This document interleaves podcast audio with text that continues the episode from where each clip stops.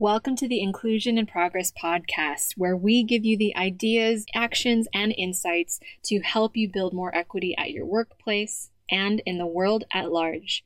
I'm your host, Kay Fabella, international expert on diversity, equity, and inclusion, a Filipino American living in Spain, and your guide in navigating this DEI journey. Having worked with teams at companies such as Philips, the IMF, Red Hat, PepsiCo, and more, I know firsthand that the work of inclusion only works when everyone has a seat at the table. Regardless of your personal entry point into this conversation, your race, ethnicity, gender, ability, age, sexual orientation, country of origin, or educational background, we all have a role to play in creating inclusion for all. And it starts with us having conversations we need to create the change we wish to see. So let's dive into today's episode.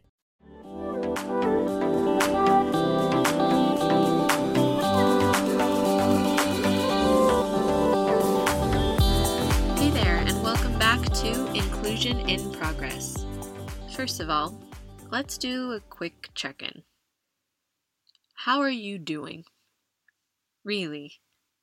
Have you eaten today? Are you drinking enough water?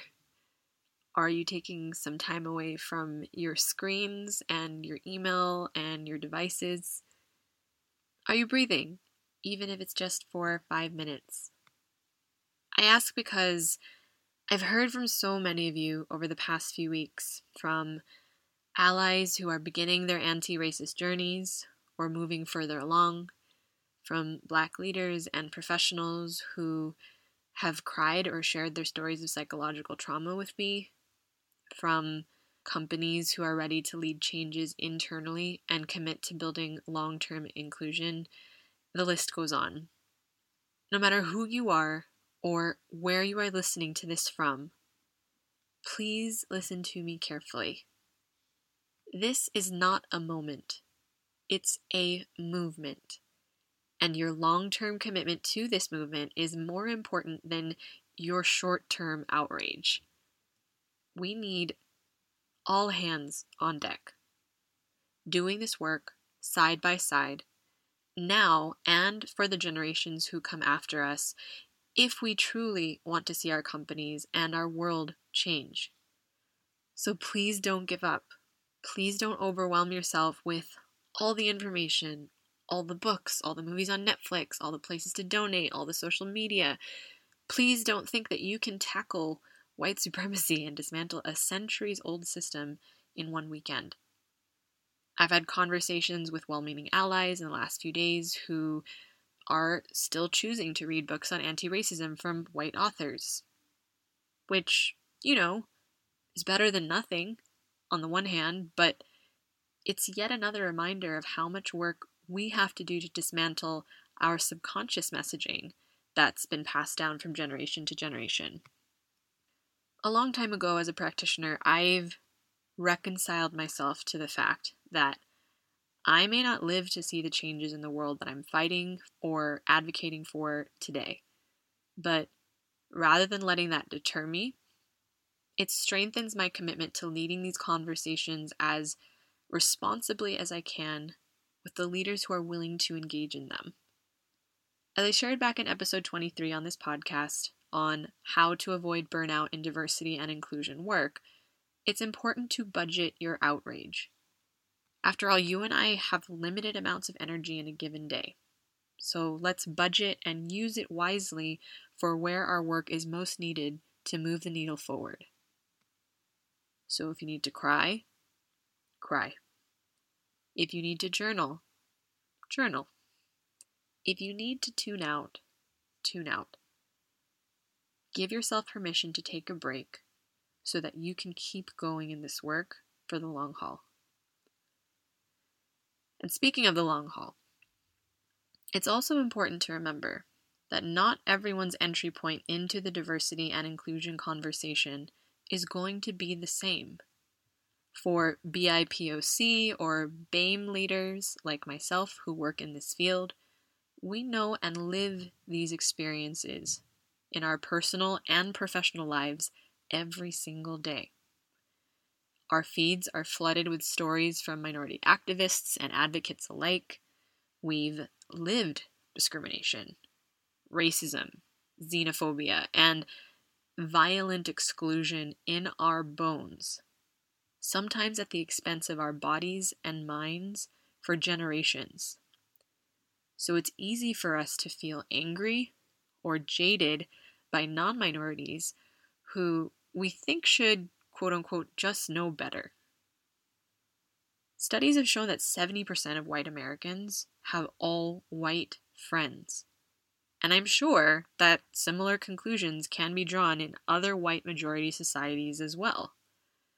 For many of those folks, up until the George Floyd video and the Amy Cooper video and the resulting protests, they had little reason to believe that racism was a problem. What we may fail to realize is that non minorities, especially those who are most removed from the conversations that we're having and experiences we're living as people of color, they need a moral or maybe sometimes even an intellectual point of entry into this conversation.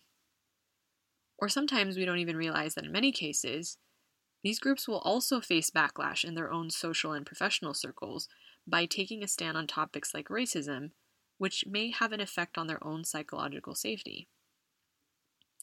Not to mention, we need to incentivize non minorities with different language to get them to stay and keep participating and leading discussions around inclusion alongside us, both at work and at home. Case in point, I spoke with a former CEO of a global company here in Europe last week who had no idea who George Floyd was until he read my white paper. My personal feelings about that aside, the thing that mattered most to me was that he was listening to the conversation now and was looking for ways to contribute to change in his former organization moving forward. And that is the point. As Black American actress Viola Davis shared recently, quote, some are posting on social media, some are protesting on streets, some are donating silently, some are educating themselves, some are having tough conversations with friends and family. A revolution has many lanes. Be kind to yourself and to others who are traveling in the same direction. Just keep your foot on the gas. Radical change can take place in homes, in schools, in boardrooms, voting booths, etc. 401 years of systemic racism needs a comprehensive array of radical revolutionary intervention. Unquote. So, if you need help navigating these conversations to elevate your concerns in a way that gets key leaders and stakeholders across every level of your company on board to create more systemic, long term inclusion at work, be sure to download a copy of our latest white paper, The Future of Work Culture how Big Tech is Redefining Diversity, Equity, and Inclusion in a Remote World at the link in the show notes or at kayfabella.com, K A Y F as in Frank, A B as in boy, E L L A dot com forward slash future of work. We've already gotten some amazing feedback from practitioners and leaders who've downloaded their copy. One fellow D&I practitioner wrote, This is an in depth piece on how inclusive remote working which can really move the dial for tech companies who want to make the effort to get it right. Measured, pragmatic, and practical, it's worth the read by any senior business leader or stakeholder. Another CEO responded This isn't just useful for big tech companies, but for all companies who are looking for answers and insights on how to prepare for an equitable future of work. I highly recommend Kay's white paper. As my friend, colleague, and fellow practitioner Dr. Nika White says, let's not be quick to judge how people are processing and assessing. No one has this 100% figured out, so don't worry about being late to party. Just show up. We need all voices on this aligned and in step. My hope is that no matter where you are or what your official role is in your organization, you will have the resources and the research backed talking points that you need to help get as many people on board to build inclusion as possible. which is why we created this white paper for you. So to download your copy, head to the link in the show notes or go to kayfabella.com forward slash future of work. Now, without further ado, let's dive into today's episode Why DNI only works with E for equity. When I reached out to various tech firms back in April, seems like a lifetime ago now, to attend this executive roundtable at the end of the month, our main concern was just a pandemic. Just, she says, as if a global pandemic is something to laugh at.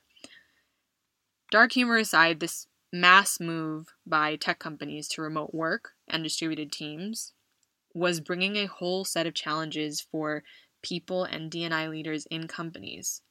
As I mentioned back in episode 27, some of those challenges included 1. Crisis management and recovery, 2. Connectivity, communication, and culture, and 3. Changing expectations of work and leadership. Against the backdrop of coronavirus, our roundtable discussion on DEI centered around supporting distributed team members with different challenges, which varied widely based on their background, their family situation, their access to resources, their geographic location, or socioeconomic circumstances. So, Google, for example, who attended the roundtable, referred to their underrepresented minorities at their company as historically excluded, effectively framing their internal conversation on DEI for how people and culture building strategies would be tailored to these groups. So, at work, these different policies at these tech companies were impacting their different employees in different ways, which was perpetuating inequities for those who were historically excluded or underrepresented in the workplace and beyond. As our DoorDash participant shared, we know that these challenges are disproportionately affecting people of color. You have family that are overrepresented on the front lines that are hourly workers. And so that trauma is a bit closer to home for these employees in our company. And we just have to acknowledge that. We have to talk about it at work. There was also an acknowledgement that the definition of DEI had to be expanded to encompass psychological safety, particularly when it came to pandemic related trauma. So, with that in mind, our discussion naturally steered towards defining what diversity and inclusion meant, and how those definitions were highlighting and shaping the future of work culture for these companies. And we ended up having a really animated discussion about what DNI or diversity and inclusion stood for, how participants and the companies that they represented, both as individuals and as larger policies, were defining those values. And it became really clear that roundtable participants that were joining us for that conversation shared commonalities within their company definitions of DNI, with a particular emphasis on adding an E for equity, so it read as DEI. Because these terms are often used interchangeably, we decided to summarize the shared definitions of diversity, equity, and inclusion based on what we learned from the roundtable participants. So we came to define diversity as differences in people represented in your company that may include race, gender, age, religion, sexual orientation, ethnicity, country of origin, language, socioeconomic status, disability, veteran status, or neurodiversity, which all collectively contribute to a company identity. The definition of equity that we came up with was an acknowledgement that people come from different backgrounds and starting points in life. There was also a need to, within equity, focus on promoting objective guardrails, policies, and practices to eliminate bias while ensuring that employees from historically excluded groups have the support they need to optimize their performance at work. Finally, inclusion the intentional effort to build a company culture where everyone is valued and respected for their diversity, and is empowered to contribute in an environment of psychological safety, as well as being provided access to resources and opportunities that allow individuals to show up confidently in the workplace. Although the participants of this roundtable acknowledged that their companies were all on varying stages of their diversity, equity, and inclusion journey, They agreed that E for equity was key to building a future work culture where everyone felt supported and included. The challenge, therefore, was how they were going to adapt DEI to a virtual working environment in order to be able to sustain productivity and performance across distributed teams in the months and years to come. Inclusion in tech, like in most industries, tends to focus on the visible identities, such as race and gender. But one of our roundtable participants actually shared their desire for intersectional inclusion as someone who initially had to hide or felt that they had to hide their learning disabilities from their company. The roundtable attendees also echoed in various ways that to create a sustainable DEI strategy was going to require intersectionality. That is, understanding how different underrepresented employee groups' experiences overlapped rather than our pre pandemic focus on silo based solutions that were tailored to the individual needs of individual groups. And to us, this intersectionality, this overlap in how these tech companies were strategizing DEI for the future of work indicates to us that big tech firms like the ones who attended are evolving beyond these long standing identity labels as Generation Z begins to enter the workforce and they're all working to cultivate cultures of true inclusion and belonging that allows employees to feel comfortable sharing their best selves at work. And as we learned in the roundtable, maintaining a company culture in crisis across distributed teams is most effective with DEI at the core of your people strategy. We learned that these big tech firms, while they may have been better prepared than most industries for a remote environment, were increasingly prioritizing equity for employees. There was a collective recognition and understanding that not all employees' identities are visible, that not all distributed teams are facing similar challenges, and that not every worker is comfortable voicing their needs in a virtual environment. So, different employee groups must be provided with tailored levels of support to maintain their sense of belonging and therefore their productivity and engagement while working remotely.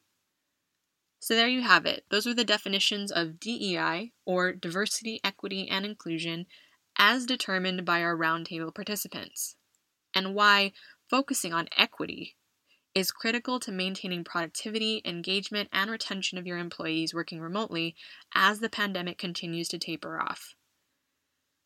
It was also important for me to adopt the E into my own job description as someone who's tasked with leading and delivering these solutions for companies.